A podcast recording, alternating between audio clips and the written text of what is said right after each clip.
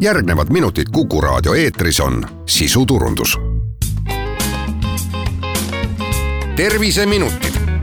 Saadet toetab esimene Eesti apteekrite loodud toidulisandite sari Rõõm tere, head Kuku raadio kuulajad, eetris on Terviseminutid ja tänases saates räägime rauavaegusaneemiast. mina olen Ingela Virkus ja läbi Skype'i on minuga ühenduses Rõõm toidulisandite sarja tootejuht Ave Prii, tere! tere! no mida aneemia tähendab, mis see on? Aneemia ehk kehv veresus tähendab, et veres on normaalsest vähem punaseid vereliblesid ehk erütrotsüüte või nendes sisaldub vähem rauda sisaldavat valku ehk hemoglobiini. kuna hemoglobiini põhiülesandeks on organite hapnikuga varustamine, tekib aneemikul organismis hapnikupuudus aneemiat on ju ka mitu liiki, millest üks levinuim on rauavaegusaneemia, mis tekib siis rauapuuduse tõttu. miks rauapuudus tekkida võib? Tõsi, rauapuudus on aneemia üks sagedasemaid põhjuseid. Selleks üheks võimalikuks põhjuseks on vereloomeks vajalike ainete puudus, millest tooksin välja eelkõige siis raua, B kaksteist vitamiini ja foolhappe puuduse. seega võib aneemia tekkida ka tasakaalustamata toitumise ja dieetide tagajärjel. kuna raua omastamine on seotud ka seedetrakti tervisega, võib rauapuuduse põhjuseks olla raua ja vereloomeks oluliste vitamiinide halb imendumine seda esineb sageli tsöliaakia ja gluteenitalumatuse, aga ka helikobakterist põhjustatud gastriidi korral. seega toitumine võib olla ideaalne, kuid vajalikud ained lihtsalt imenduvad halvasti eh, lisaks võib rauapuudust põhjustada rohke verekaotus seoses näiteks traumaga, tugeva verejooksuga, hüübimispuudulikkusega ning naistel menstruatsioonide ja sünnitusega Eh, veel võib põhjuseks olla ka krooniline verejooks, mis on seotud haavanditega. kas te teate, kui palju meil praegu umbes on neid eestlasi, keda kimbutab rauapuudus? aneemia on üllatavalt sage probleem ja kindlasti ka aladiagnoositud. Eh, maailma Terviseorganisatsiooni andmetel esineb aneemiat umbes veerandil inimestest. Eh, rauavajadus on tavaliselt suurem imikutel, lastel ja noorukitel, samuti raseduse ja imetamise ajal ja uuringute järgi on rauadepood tühjad kuni kahekümne viiel protsendil lastest, kolmekümnel protsendil viljakas eas naistest, kuuekümnel protsendil rasedatest ja tegelikult ainult kolmel protsendil meestest. seega enamasti ongi rauapuudus pigem naiste ja laste probleem millised on siis need esimesed märgid, mis näitavad, et tegemist võib olla rauapuudusega? sümptomid, mille korral tasub mõelda aneemiale, on väsimus, jõuetus, hingeldus ja südame kloppimine väiksemalgi füüsilisel koormusel, näiteks trepist ülestulekul. Need on tavaliselt kõige esimesed sümptomid. Äh, võib esineda veel valu rinnus, nahk on kahvatu või kollakas, juuksed ja küüned on haprad samuti võivad esineda veel peavalu, pearinglus, mäluhäired, ärrituvus, surinad jäsemetes, äh, seedeprobleemid, suu limaskeste haavandid, isuvääratused isegi kohin kõrvades ja virvendused silmade ees, et sümptomeid on väga palju ja need kõik on häirivad. mida pikemaajalisem rauapuudus organismile teha võib? sümptomite teke sõltub sellest, kui kiiresti ja mis põhjusel aneemia on tekkinud. mida kiiremini tekib aneemia ja mida kehvemas seisus on süda ja veresooned, seda raskemad on sümptomid ja seda kiiremini need avalduvad. et kui aneemia kestab pikemat aega ja süveneb, siis võivad tekkida erinevate organite ja kudede funktsioonihäired ja mille tagajärjeks on lõpuks rasked haigused. millal tasuks aga arstile juba selle murega pöörduda? soovitan pöörduda arsti poole kohe, kui tekivad sümptomid ja mitte lasta aneemial süveneda. et aneemia on ise kui sümptom, mille tagant tuleb otsida põhjust. kuidas aga aneemiat diagnoositakse? Aneemiat diagnoositakse vereanalüüside alusel. perearst võiks alustuseks tellida kindlasti hemogrammi, rauavaru ehk ferritiini, foolappe ja B kaksteist vitamiini analüüsid. ja hemogrammis on olulised vaadata hemoglobiini ja hematokriti taset, erütrotsüütide hulka, punavere indekseid. aga raskemate aneemiatega tegeleb tegelikult hematoloog ja on ka lisaanalüüse võimalik teha, näiteks verehaige mikroskoopia ja võib olla vajalik teha ka hoopis seedetrakti endoskoopilised uuringud milline on normaalne hemoglobiini tase inimese organismis ja millal me saame rääkida juba sellest, et see tase on madal ja vajaks tähelepanu? hemoglobiini normväärtuseks täiskasvanud meestel loetakse sada kolmkümmend kuus kuni sada kuuskümmend kolm grammi liitri kohta ja naistel on normtase natuke madalam, sada kaheksateist kuni sada viiskümmend grammi liitris. et kõik inimesed on erinevad ja tasub arvestada, et kui on teada, et varasemalt on hemoglobiin olnud naisterahval, ütleme näiteks sada nelikümmend viis ning täna on vastus sada kaheksateist, siis jah, okei okay,, see vastus mahub küll normpiiridesse, kuid tasub kindlasti uurida, miks on toimunud selline langus ma olen kuulnud ka latentsest rauapuudusest, mida see siis tähendab?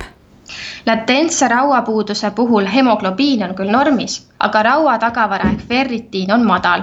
kehtiv äh, normväärtus ferritiini puhul täiskasvanud naisel on kümme kuni sada viiskümmend mikrogrammi liitris, meestel veidi rohkem aga tegelikult tavapäraselt tunneb enamik inimesi muutusi oma enesetundes juba siis, kui nende ferritiini tase on alla kahekümne viie. seega ferritiini tase langeb enne hemoglobiini ja madal ferritiin on seega hoiatuseks, et võib tekkida aneemia, kuigi hemoglobiin on veel normis. kuidas aga rauapuudusaneemiat äh, ravitakse? oluline on saada teada aneemia põhjus enne ravi alustamist. kui selleks on näiteks krooniline verejooks, peab lisaks aneemiale kindlasti tegelema ka haavanditega. Äh, muidu tekib ju nokk kinni, saba lahti olukord juba välja kujunenud rauapuuduse korral ei piisa ainult toitumise korrigeerimisest, et äh, oluline on võtta rauatablette. kuidas äh, rauatablette parima imendumise saavutamiseks võtta? rauatablettide puhul on oluline nende võtmise ajastus. Äh, parima imendumise saavutamiseks võiks võtta neid tund aega enne sööki koos vee või mahlaga, aga kindlasti mitte koos piima, tee või kohviga, mis pidurdavad raua imendumist võib võtta ka koos toiduga, kui toit ei sisalda piimatooteid. Ja seda võiksid teha need, kellel rauatabletid ärritavad magu. kuna raud on oma olemuselt väga tugev vabaradikaalsete protsesside käivitaja, võivad raualisandid kaasa tuua probleeme seedetraktis, kus nad võivad tekitada kõiksugu kõhukaebusi. Ja oluline on, et üks rauatablett ei tee kindlasti imet, et kuuri pikkus on individuaalne ja see võib kesta mitmeid kuid ja see on normaalne rauatablette on äh, ka ju saadaval erinevates rauavormides, mida siis tasub ühe või teise kasuks äh, otsustamisel eelkõige silmas pidada? rauatablettide suurim erinevus tuleneb äh, kasutatavast rauavormist ja selle kogusest. Ja rauavormideks võib olla näiteks sulfaat, fumaraat või hoopis diglütsinaat. Raudsulfaadi ja fumaraadi vormides sisaldab küll kõige rohkem elemendilist rauda, kuid sellel on kahjuks madal biosaadavus ja need on kõige odavamad ja seega soovitatakse neid ilmselt hinna tõttu kahjuks kõige sagedamini. oleks aga hea teada, et sulfaat ja fumaraatvormid tekitavad rohkem seedehäireid, kuna nende biosaadavus on madal. aga heaks uudiseks, et on olemas ka rauddiglütsinaadi vormis rauatabletid. see vorm ei tekita tavaliselt suuri kõhuvaevusi, on hästi omandatav, tema reaktsioonivõime on madalam, oksüdatiivne toime väiksem ning toime mao limaskestele on samuti pehmem. Mis juhtub aga selle ülejäänud rauaga, mis ei imendu? imendumata raud väljub organismist, kuid enne seda jõuab ta kahjuks põhjustada kõhuvaevusi. kuna diglütsinat vormis rauda omastab seedetrakt kõige paremini, tekib ka vähem imendumata rauda, mis võiks pahandusi tekitada. Äh, rauddiglütsinaadi lagunemisel organismis ei teki ka keha võõraid aineid kuidas sellega muidu on, et, äh, et raud paremini imenduks, siis kas tuleks juurde võtta omakorda veel äh, mingeid teisi vitamiine?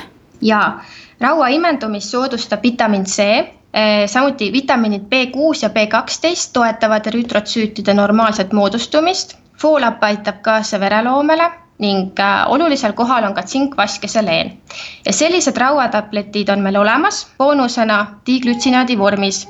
seega pole vajadust võtta eraldi juurde C-vitamiini, B-grupi vitamiine ja mikrotoitaineid, kõik vajalik on olemas ja kokku pandud kui me aga räägime toidust, siis äh, millised toorained või toidud kõige rauarikkamad on, et kust inimene ennekõike selle raua kätte saama peaks? rauda leidub nii loomset kui taimset päritolu toidus. loomset päritolus äh, toidus olev raud on paremini omastatav. Äh, head rauaallikad on tailiha, linnuliha, merekarbid, munad, veise- ja seamaks, veiseliha ja krevetid. kuidas aga taimetoitlased oma rauasisalduse kätte saavad? Taimsetest toiduainetest sisaldavad rauda küll läätsed, spinat, kaunviljad, pruunriis, kõrvitsaseemned, kuid taimetoitlased peaksid äh, aneemia suhtes olema siiski valvsad. tuleb teha regulaarselt vereanalüüse, sest kuna taimset päritolu raud imendub halvemini, peab tegelikult taimetoitlase toit sisaldama pea kaks korda rohkem rauda lõpetuseks, mida saaks iga inimene ise juba täna ära teha selleks, et rauapuuduseni üldse ei jõutakski? et ennetada toitumisest põhjustatud aneemiat, tuleb toituda mitmekülgselt, mitte liialdada piimatoodetega, tarbida neid teistest eraldi. näiteks traditsiooniline hakklihakaste jahukastmega pole tegelikult parim valik. küll aga on hea liha kõrvale juua näiteks C-vitamiini rohket mahla ja liha kõrval võiks olla C-vitamiini rikas salat, näiteks paprikast, tomatist või porgandist. ja teadlikult võiks inimesed rohkem süüa muna ja makse äh, lapsevanemad võiksid jälgida, et lapse menüü poleks liiga piimarohke. piim on lapsele küll hea, aga laps vajab muud ka, näiteks nagu aedvilja ja liha. ja kui on juba aneemia tekkinud, siis ei tasu oodata, et küll läheb ise üle, et tuleb sellega tegeleda siinkohal ongi aga hea lõpetada, suur aitäh kuulamast, mina olen Ingela Virkus ja koos minuga andis tänases saates nõu Rõõm toidulisandite sarja tootejuht Ave Prii, aitäh teile! aitäh ja ärge unustage oma keha turgutada, püsige terved! terviseminutid. saadet toetab esimene Eesti apteekrite loodud toidulisandite sari Rõõm